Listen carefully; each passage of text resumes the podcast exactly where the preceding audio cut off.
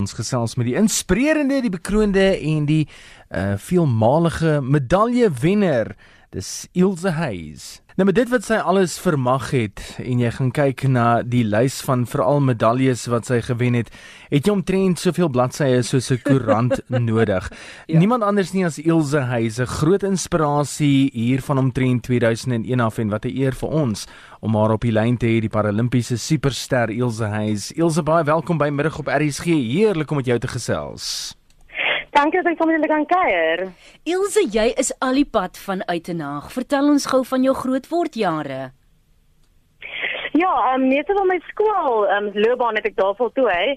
So ek is eintlik gebore ehm um, na Johannesburg, mhm. ehm um, en toe ja, dit is Ooskaap toe. Ehm um, en toe ehm um, my my ouers bly in Boeknes. Dit is 'n klein plekkie nou, ek ken Transie. Ehm um, so ja, toe van het ses of tot na graad 8 tot matriek, ehm um, graad 12 het ek in uit 'n naskool gegaan. Ehm um, ja, so ek was 'n week 'n weekly boarder, so ek het so elke hmm. week ja, maar ek kon dit doen en dan kon ek huis gegaan.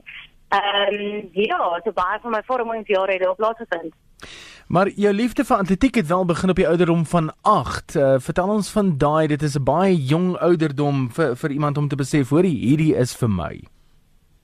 Ja, dit het 'n passie gewees um, van kleins af. Ek onthou soos ek het nog daai daai skool voorskool reis wat in die maaste arms in in harte op 50 meter ehm um, ja ek dink van daar af het dit so sê en dan iets in my hart net so mm. opgegaan en ek het net die passie ontwikkel daarvoor ehm um, en ja as ek sê ek het op laerskool hoërskool deur gegaan en eers op ouderdom van 15 was ek ehm um, mm. voorgestel ehm um, of ja bekend gestel aan gesende sport want ek was al van 'n mainstream skool gewees so Ehm um, en ja, van daar wat ek net so ja, het my passie, my liefde net meer gegroei vir atletiek.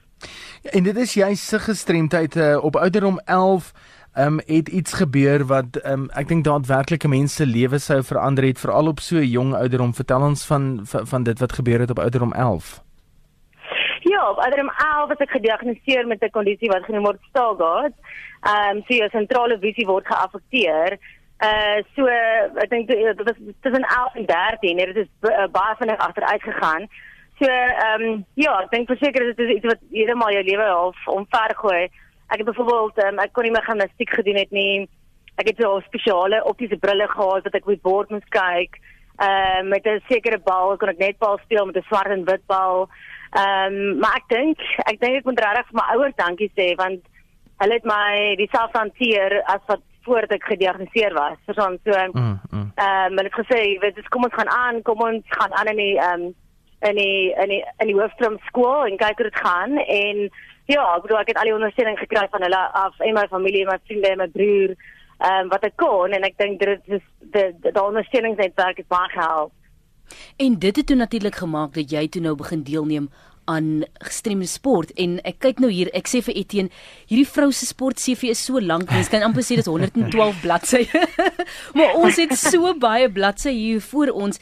En ek wil tog stil staan by 2001 toe jy nou eh, ek wil nou sê professioneel toe nou begin begin deelneem. Ek sien hier word genoem die rolstoelspele in Australië waar dit plaasgevind het en daar het jy al reeds so baie vermag. Neem ons geterug na daardie jaar Ja, ek dink dit is die eerste jaar wat verstaan waar ook nou wêreld buite Suid-Afrikaanse grense gaan deelneem het. So dit was vir my obviously 'n groot eer om om my land um, te verteenwoordig.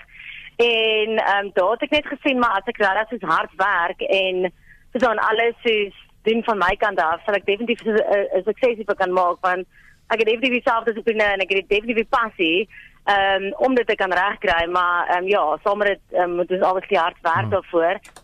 En ja, daar ek het, ek, ek dink is uh, met net so die ehm um, die, die idee dat jy so teen ander lande deelneem en mense ontmoet van ander lande af en kulture en van daai was ook soos nogal sommer reg um, opwindend geweest. So dan ek het nogal daar dink ek het dit saai net geplan geweest en ek het gesê maar ek gaan elke elke keer hard werk en ek gaan elke keer alles insit wat ek kan om die beste te wees wat ek kan wees om weer so geleenthede te kry. So dan ek dink jy groei so baie as mens ehm um, as jy sulke geleenthede kry en ja, so daar was dit begin gewees van van 17 jaar gewees waar ek vir my land deelgeneem het. Maar dit was juist net 2 jaar nadat jy so professioneel begin deelneem met Ilse dat uh jy die erkenning ook gekry het van Suid-Afrika self. Jy het 'n presidentsiële toekenning ontvang uh by die destydse uh, president Thabo Mbeki ook. Um dit is 'n baie baie groot eer vir enige persoon om so 'n toekenning te kry en so vroeg in jou loopbaan ook. Ja, ek dink dit is ehm um, dit dis een van daai goed waar waar jy so reg bevoorreg is want jou jou al jou so sê effort en al jou mm, mm. harde werk het iemand albei raak gesien en ek dink dit is ook net so 'n motivering sonde om, om te so buite vir mense te inspireer en vir te sê maar as jy regtig hard werk dan is enigiets moontlik. Ehm um, en so ook om dan die erkenning daarvoor te kry, ehm um, beteken baie vir ja, vir atleet en vir en vir jou as mens. Mm Daar's baie mense wat hulle lewenslank baie hard werk vir Olimpiese medaljes of Paralimpiese medaljes ook en jy het aan 4 van hulle deelgeneem en jy spog met 'n uh, groot totaal van ek dink 'n 7 Olimpiese medaljes, Paralimpiese medaljes wat jy gewen het in jou loopbaan. Ja, dit is definitief um, een van die hoogtepunte. Ehm um, ek dink 2004 was was een van daai ehm um, een van die oomblikke wat ek op die podium gestaan het, ek het derde gekom, soos met hulle gekry vir 400 meter. Daar was net 'n uh, honger wat in my gekom het, waar ek net so harder wil werk want in vier jaar se tyd wil ek bo uitkom en ek wil my nasionale ehm um, ehm um, volksang en uh ja, net as reg wees as my land kan uh, kan verteenwoordig en ek het daai geleentheid gekry en ek het die meter daarvan gemaak en ja, ek bedoel dit was altyd maklik geweest, ek bedoel mens die publiek en almal sien dit altyd soos die die glimlag en die, en die en die goeie tye, maar dit so baie karaktervorming tye tussenin wat, wat wat ek vir niks sal verruil nie. Ehm um, so ja, dit is my regte voorreg geweest om om aan vier Olimpiese spele deel te neem. Ons moet tog net noem jy is nou uitgetree en wie was dan nou daai tyd? Al is dit nou vir Lydia of jare voor dit, jou grootste kompetisie? Ja, ek het weer met my met die wêreldspele uitgetree. Ehm um, heidaglik op daai stadium was dit so ehm um, was die meisie van Oekraïne gewees. Ehm um, ja, so ek was nog altyd ek het altyd nog ehm um, sterk kompetisie gehad daar so daar bo. So baie van Rusland en ja, baie van ehm um, Oekraïne gewees. So ehm um, maar ja, sy sy's 'n ongelooflike atleet en Ehm um, ja, ons het al 'n paar keer ehm um, te mekaar deelgeneem en ons het mekaar ook elke keer ge-challenge. So ons het sê ja, dan wen ek dan wen sy. Ehm um, maar ja, het 'n groot kompetisie dit tyd weer gekom en ja, ons is nog jonk, so uh, ja, ons het nog 'n regte ongelooflike loopbaan wat voor haar wag. Ehm um, ja, en ek wens haar net regtig die beste toe. Nou na uitrede en nou dat jy terugkyk op jou loopbaan, Ilse en alles wat jy vermag het uh, en alles wat gebeur het byvoorbeeld, hoe voel dit vir jou om as 'n inspirasie vir ander beskou te word? Ek dink dit is eh, dit is ek een van my groot ehm um, dryfvere gewees om aan gesemesport deel te neem en ook vir so lank deel te neem want ehm um, ja, as ek dink ek dink 'n groot deel van my wil net so met Robert net net wys, sodat maak dit ook wat se wat se um challenges of obstacles daar is in 'n mens se lewe nie dit kan oorkom word en daar's niemand anders wat kan bepaal dit um as jouself nie. Dit is so dit kom ek deel geneem het aan aan 'n gestelde sport net want man enigiets is moontlik verstaan soos en as jy reg gepassie daarvoor het dan jy sê dan kan niemand in jou pad staan nie hmm. jy praat nou so van dinge kan oorkom word. Wat is vir jou van die grootste uitdagings tans die enigste uitdaging is byvoorbeeld om nie of eintlik al vir 'n hele rukkie vandat ek 'n lisensie kon kry. Ek kan ek kan byvoorbeeld nie 'n motorlisensie kry nie. Ehm um, so vir so vir baie jare het ek sit iemand gehad wat my rondgery het of my man is ook amazing so waar hy my help kan. Maar nou dat Uber beskikbaar is, ehm um, is dit so gerieflik. Verstaan ek is niks vooruit reël nie. Ehm uh, ek kan letterlik net op die op die, op op op my foon gaan en binne 'n paar minute is iemand daar om rond te ry.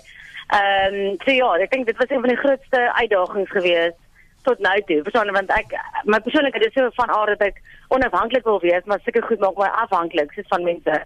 Ehm um, en ag dis klein gedes waar ek dink mense nie aan dink jy is byvoorbeeld as jy in 'n winkel gaan uh, om pryse te sien op goeder of hmm. om jy weet groot is te sien van klere of so dan dit byvoorbeeld miskien 'n foto neem en dit begrip by foon en dan as ek nou alleen is dan so dis 'n klein aanpassings maar ja niks kan oorkom word nie soos ek sê ek het altyd iemand gehad wat my kan rondry en met Uber nou ehm um, help dit baie. Ehm um, so ja, ek is reg bevoorreg om om net ja, of 'n um, oplossing te kry vir die vir die struikelblok. Ek wil ook gou net hier by die punt stil staan. Ek weet jy was ook betrokke by die Universiteit Stellenbosch in terme van sport. Vertel gou kortliks wat jy daar gedoen het. Ja, ek het in 2004 begin ehm um, begin studeer daar ek het uh, sportwetenskap gedoen en dit het my leer in motoriese ontwikkeling van van van jong kinders gedoen en deur ja deur my hele ehm um, universiteitsloopbaan en ook na die tyd tot tot verlede jaar 2017 het ek ehm um, vir universiteit deelgeneem. So vir 13 jaar ja, het ek hulle het ek um, hulle verantwoordig en ehm um, ja, ongelooflike mense ontmoet en daar het my pad met my afvatter begin.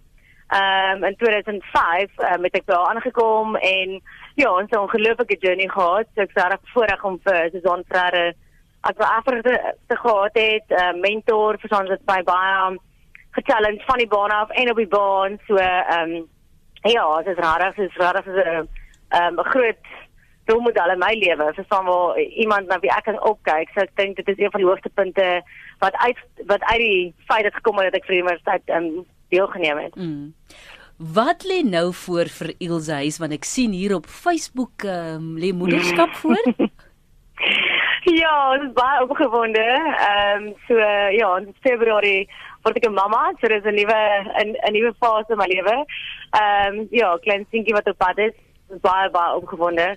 Ehm uh, ek dink dit is voorreg om ja, om gebruik te word om soos een van God se soos gifts net soos of dit kan groot maak. So ja, so Februarie um, het ek weer 'n ander rol in my lewe wat ek moet vervul en een wat heeltemal uit my comfort zone uit is, maar een waar waar waar, waar ek baie opgewonde is. So ja, ek sien baie I don't know en ja, net om met pad saam met Ja, sommer toe met my man ehm um, vorentoe te, te stap, ja.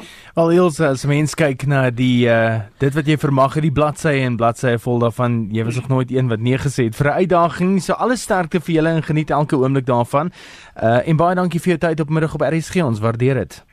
Ja, baie dankie. Ja, dankie dat ek bietjie sommer lekker kon gesels het. Dankie Ilse, mooi bly. Dankie, Bye. Sy praat nou so van hulle gaan die pad saam stap. Ek dink meer hulle gaan die pad saam hardloop. Behoorlik. Dit dan Ilse Huys wat vandag met ons gesels het, 'n gestremde paralimpiese atleet.